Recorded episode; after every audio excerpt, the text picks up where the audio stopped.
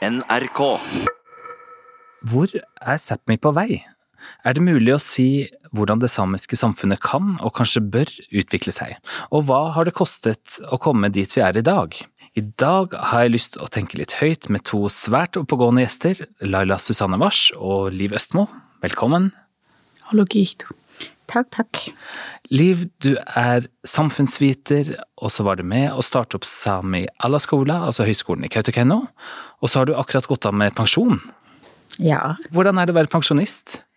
Eh, Jeg hadde litt sånn her abstinensfølelse i august.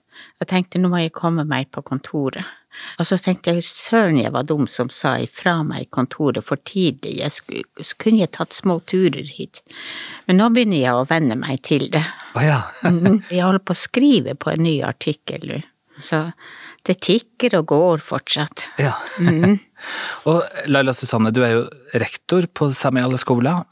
Eh, og så har du tatt doktorgrad i juss, og så har du vært visepresident i Sametinget og vært politisk aktiv i partiet Erja, og jeg kunne sittet her et kvarter og lista opp. Jeg kan starte med det som du jobber som nå. Hvordan er det å være rektor her? Det er en ganske ny hverdag. Det kan jeg vel trygt si. Nå forstår jeg mye bedre hva fagmiljøene sier når de sier at jo, det mangler ikke på prosjekter, men vi har ikke nok um, holdt på å si, kloke hoder og hender til å gjøre jobben. Sånn at det er Den samiske forskerverdenen er fortsatt ganske liten, selv om den virker ganske stor av og til, altså. Det er ikke mange ansatte her, men samtidig er de så utrolig viktige. Den kunnskapen de sitter med, er så utrolig viktig, og den behøves. Vi snakkes om digitalisering, modernisering, innovasjon og entreprenørskap, alle de her trendordene. Og så skal du prøve å holde fast ved det her samiske, tradisjonelle, det som i hvert fall jeg er vokst opp med, liksom det som i hvert fall ikke forholder seg til sånne ting i like stor grad. Og vi vet jo ikke hva som venter, men på en måte vi ser jo en trend og en tendens at det er en helt annen type inngrepsproblematikk enn det var kanskje på 70- og 80-tallet. Vi har liksom blitt vant med å kunne ha en politisk diskusjon i forhold til gruvedrift. Når inngrepene kommer ikledd en sånn her grønn frakk, og at det på en måte forventes at her skal de samiske områdene stille opp med sine arealer og ressurser for å bidra til verdens behov for uh, energi. Det er faktisk problematisk med vindmøller overalt. Det er problematisk med fiskeoppdrett i alle fjorder. Det er problematisk med gruvedrift i områder som regjeringen har definert som verneverdige. Og det er jo den samiske naturforvaltningen som har sørget for at disse områdene er verneverdige. Og at da lokalbefolkningen, samiske samfunn, føler, føler nå at de straffes for at man har hatt en bærekraftig forvaltning av områdene. Man har forvaltet områdene klokt, basert på tradisjonskunnskap. Og nå er det ikke bare reindrifta som er under press, men det er også Du nevnte også de sjøsamiske områdene, men du har også de her de, de fastboende samene som har spesialisert seg på, på det her med utmarksnæringer. Og når jeg sier utmarksnæringer, så hater jeg egentlig det ordet, jeg må være så ærlig. Fordi at da tar man utgangspunkt med en gang i den norske forståelsen av disse her områdene. Og med en gang du bruker utmark, så er det et begrep som tar utgangspunkt egentlig i jordbrukssamfunnet. Og det er jo egentlig helt feil, selv om også samer har drevet med, med jordbruk. Uansett så må vi bli flinkere til å begynne å utforske våre egne eh, begreper og vår egen forståelse av vår egen verden. Du hadde jo en uh, veldig spennende barnevakt, har jeg lest, i et portrettintervju. Ja, stemmer det. Jeg hadde en mamma som var lærer i Sirma under Alta-aksjonen. Han som jeg var hos veldig mye på dagene mens hun var på jobb, var Niles Zombie. Jeg husker jo ikke så mye fra den tida, men det jeg husker var at jeg undra meg over at han forsvant. At han ikke lenger var der, for han var jo alltid der. Plutselig, når man blir voksen, så skjønner man jo hvorfor han forsvant. Hvorfor ble han borte da? Han måtte jo rømme til Canada. Han sprengte jo brua i Alta, og sprengte sin egen arm også. Og da hjalp jo blant annet broren hans han med å rømme til Canada under den perioden. Det er jo en veldig sånn spesiell epoke av samisk historie at jeg vokste opp i. Uten å helt vite det, så var jeg så nært, men allikevel ikke en del av det. Mm. Jeg var jo bare fem år gammel. Jeg har tenkt litt på det i det siste, særlig når, når det er 40 år siden Alta-aksjonen, og ser mange av de som jeg vokste opp sammen med eh, i Samisk Forfatterforening. Jeg ser de stå barrikadene, jeg ser de utenfor Stortinget. Og, så jeg lurer på hvordan det har påvirka meg som barn. Om jeg har forstått i det hele tatt hva disse menneskene har snakket om når de har diskutert samepolitikk. Men samtidig så så jeg vokste opp i et veldig lite bygdesamfunn hvor det fokuset var på sjølberging, høsting av naturen. Den økonomien og den utviklingen i det samfunnet var jo Da var det fokus med at du skulle berge deg over vinteren, du skulle ha nok fisk, bær, du skulle ha kjøtt. Og det tror jeg også er en viktig verdi i de samiske samfunnene, at en verdi som ikke faktisk har fått aksept i det norske rettssystemet. At du har faktisk kollektive rettigheter i det samiske samfunnet til jakt, fiske, fangst, som ikke er anerkjent i vårt rettssystem. Mm. Denne vårjakta i Kautokeino, hvorfor er den så viktig? Hvorfor er det så viktig for, for samene i Kautokeino å, å skyte ender på våren? Hvorfor kan ikke du gjøre som alle andre og skyte ender på høsten? Mm. Nei, men det er fordi at vi har ikke tradisjon for det, og vi har en annen en annen etikk bak det, vi har en annen verdi, og vi har en annen kultur. Og vårjakt er jo bare ett eksempel. Du har ganske mange eksempler på at, at samisk tradisjonskunnskap og samisk naturbruk ikke aksepteres som rettsskapende. Det er bare sånn at samene har alltid vært her, men den bruken de har hatt av områdene, nei, det gir ingen rett. Det mener jeg er helt fundamentalt feil. Som jurist mener jeg jo det. Som menneskerettsjurist enda mer. Jeg mener heller at man burde sett på ja, hvordan kan man faktisk bevare disse tradisjonene på en respektfull måte, og hvordan kan lovgivningen bidra til å eh, gjøre det mulig for folk å og utøve den kulturen sin. Så jeg tror at denne utviklingen med at du ser at både i reindrift, i samisk naturbruk, i sjøsamisk, sjøsamiske områder, det at man reguleres bort. Og det er også en, en sånn diskusjon om, om det fortsatt er en fornorskningsprosess som pågår, mm. Eh, som ikke tok slutt på 70-tallet, sånn som det populært sies, at fornorskningen tok slutt på, på 1970-tallet. Mm. Det gjorde den jo selvfølgelig ikke. Altså, man må forstå hvorfor det er viktig for et folk å kunne være et folk, fullt og helt. Mm. Uten at noen andre på en måte definerer deg og sier at det får ikke du lov å gjøre, fordi at det mener vi er feil, mm. sett fra vår, vårt kulturelle perspektiv. Mm. Jeg tror det at dersom man skulle gå gjennom alle samtlige samiske saker og sjekke hvordan de er kommet til, så har det nok gått gjennom en lang prosess og en eh, ganske hard prosess for å få til. Du var jo en av personene som starta Samayala skole. Kan du fortelle litt om eh, den prosessen som dere gikk gjennom? Hva slags tidsånd var det dere var i på den tida? Jeg var jo aktivt med i studentmiljøet i Tromsø, for jeg studerte der. Og så skulle det være et sånt tog å demonstrere mot distriktshøyskoler. Og vi samiske studentene, vi var med i toget, men vi gikk ut, og så hadde vi egne plakater hvor vi sa det at vi ville ha en egen høyskole. Og mange år seinere så begynte jeg på Lærerhøgskolen i Alta. Eh, det var mange elementer som klaffet samtidig. Militæret la ned her i Kautokeino. Mange av mine kolleger sluttet i Alta, jeg også da, i protest mot den situasjonen vi var i, så Og siden ble det jobbet politisk med det, og så ble høyskolen etablert i 1989. Mm. Da vi skulle flytte hit, så husker jeg det at mine tidligere kolleger i Alta sa hvordan er det å flytte til utkanten? Mm. Men jeg sjøl syntes jo det at jeg flyttet til sentrum. Ja. mm. Når man får klarsignal Ok, dere skal få etablert en høyskole. Hva er det man trenger mest som man ikke får på andre institusjoner?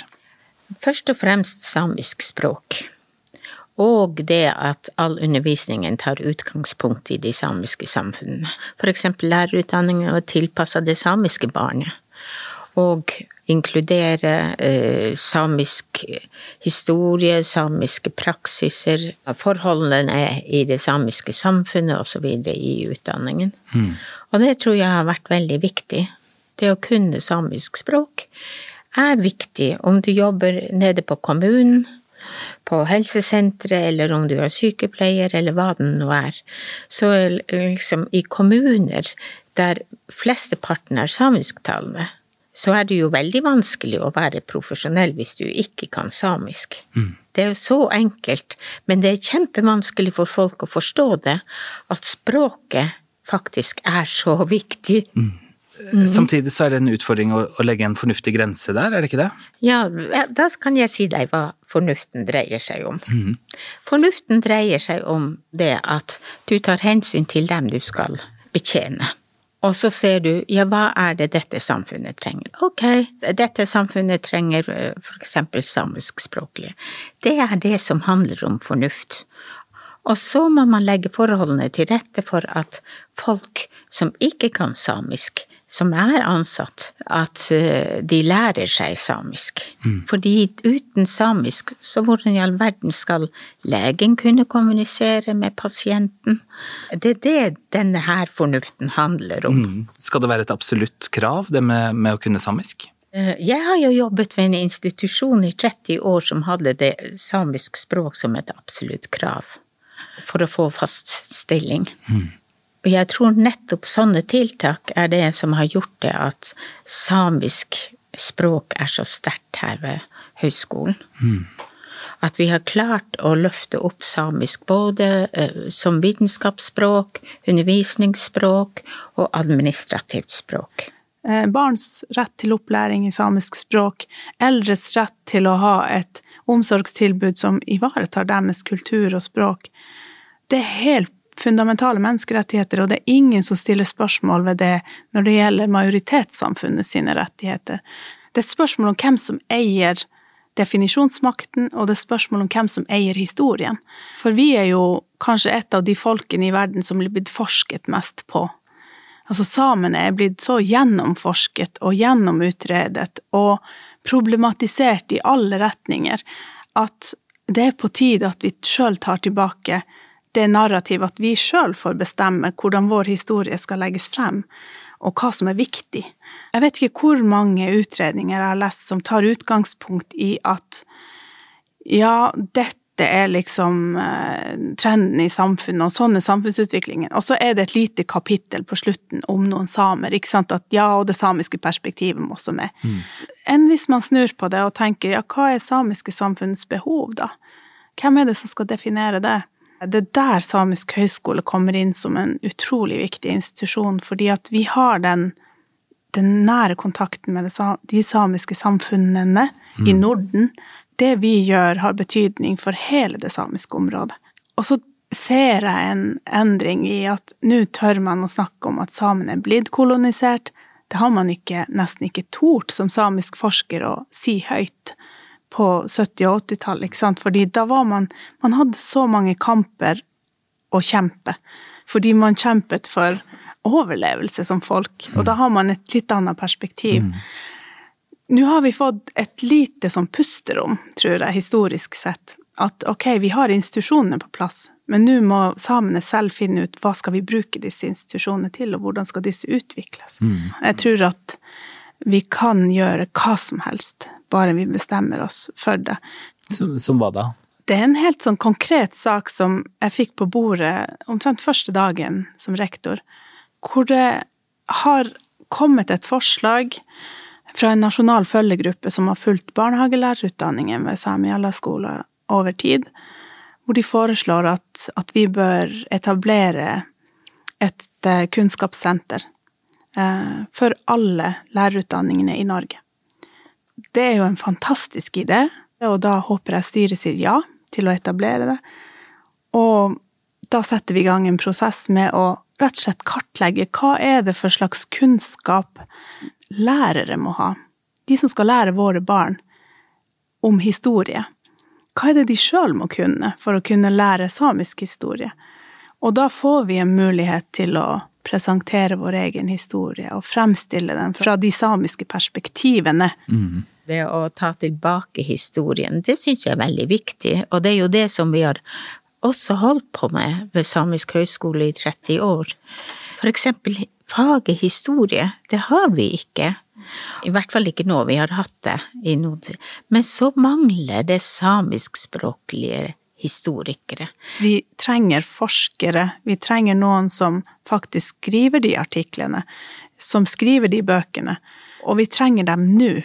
Men vi må sjøl finne ut av det her. Og, og, de konfliktene som er i det samiske samfunnet, de må løses av samene sjøl, ellers, ellers, blir det ikke en varig løsning på det. Dere har prata med mange personer i løpet av det siste året som har forskjellig innfallsvinkel til det som betegnes som en sånn taushetskultur mm. i Sápmi. Opplever dere at den finnes? Den tausheten som er, er jo et uttrykk for noe. Det kan være en, en måte å beskytte seg sjøl på, at man ikke utleverer ting som kanskje blir brukt mot den tidligere, og typisk i en samisk sammenheng så er det jo ofte det at dess mer samer har delt av sin kunnskap, dess mer har den kunnskapen blitt brukt mot samene.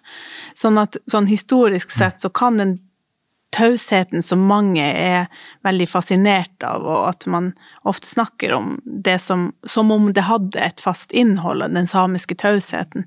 Det må jo settes inn i en kontekst.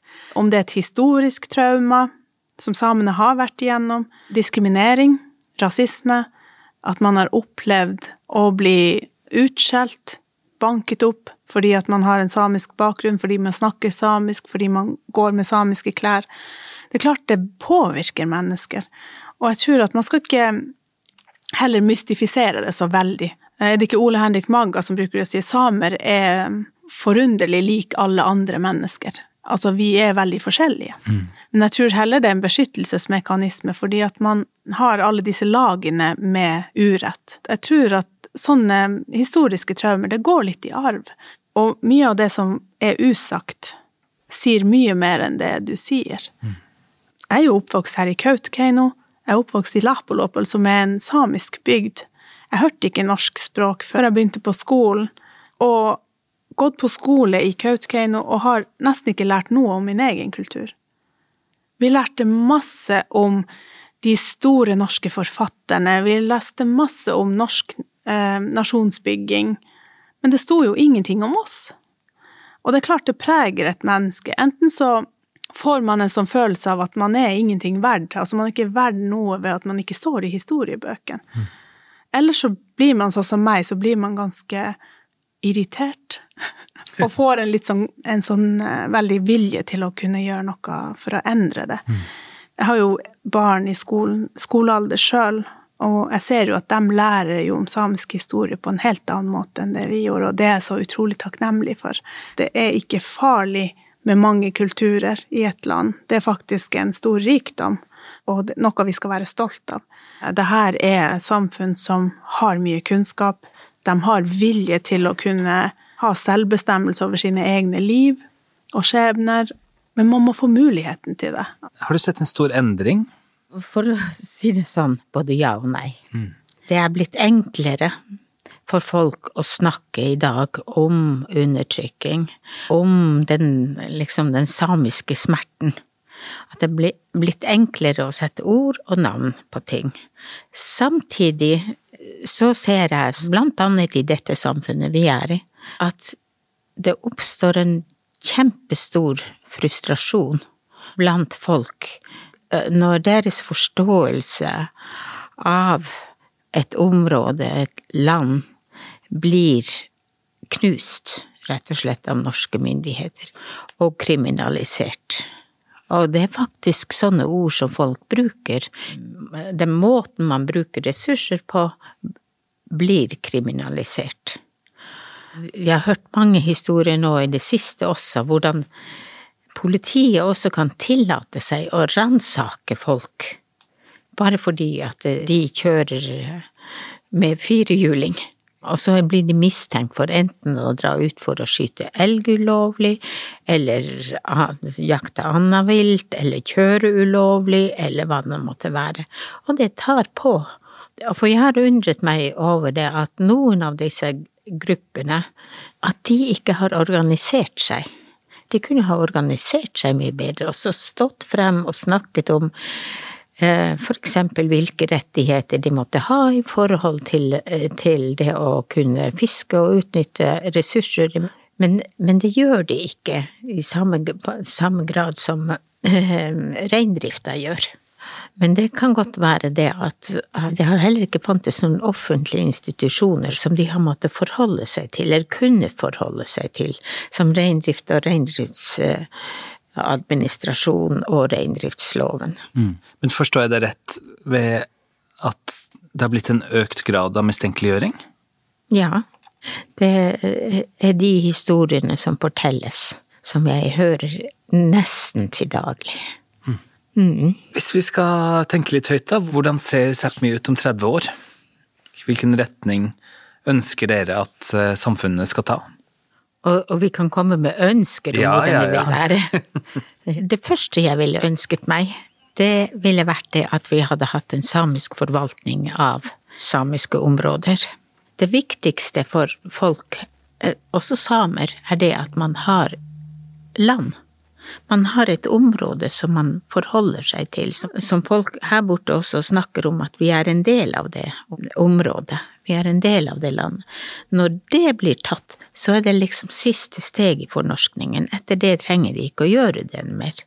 Så det første man må gjøre, det er å sørge for at vi får en samisk forvaltning av de områdene vi bebor. Da tror jeg det at, at det er mange andre ting som vil løse seg, og at vi kan slippe å snakke om en sånn streng fornorskning. Og taushetskultur og så videre. Mm. Det er nøkkelen. Fordi folk, land og praksis er knyttet sammen. Mm. Om 30 år um, Jeg håper at jeg er bestemor da. Uh, og så håper jeg at jeg, jeg, kan fortelle til mine barnebarn at jeg i hvert fall gjorde mitt til å sørge for at den samiske historien blir fortalt fra et samisk perspektiv. Jeg er veldig enig med Liv i at uh, det her med landtilhørighet og landrettigheter er et uavklart spørsmål. Det har vært utallige utredninger om rettigheter til land og vann, men man har på en måte ennå ikke kommet dit at disse rettighetene blir implementert, blir faktisk realisert. At man på en måte aksepterer at nei, den samiske rettskulturen er ikke helt lik den norske, og det trenger den heller ikke å være. Sånn at en samisk eh, ressursforvaltning og landforvaltning, eh, grunnforvaltning, det, det, høres ut som en drøm. Noe som jeg virkelig håper blir realitet i mange samiske områder. Du ser eh, at det alltid er sånn at det er samene som må argumentere for at vi har en rett istedenfor at staten får den byrden, at staten må argumentere for ja, hvordan har staten skaffet seg noen rettigheter til dette området? Mm. Det finnes ikke noe dokument for at samene har overlevert disse områdene eh, vederlagsfritt til, til, en stat. Mm. Så jeg tenker også naturforvaltning, det at du får um, en Sami Alla-skole som er førstevalget for alle samiske ungdomsskoleelever og videregående skoleelever, det er min visjon. Jeg håper at de velger Sami Alla-skole om 30 år, at det er det naturlige møtestedet. Fordi at det er utrolig prestisje å gå her, de beste utdanningene er her, som gjør at de får seg de beste jobbene i fremtiden. Og det at man slipper å opplever hver eneste dag at samer hetses på nett. Greier vi å få til over de neste tre tiårene en endring i kunnskapsnivået i det norske samfunnet, i det nordiske samfunnet, så er vi kommet langt. Mm. Laila Susanne Wars og Liv Østmo, tusen takk for at dere var med i Tett på. Jeg heter Svein Lian. Tett på fra NRK Sápmi er produsert av 1 til 1 Media.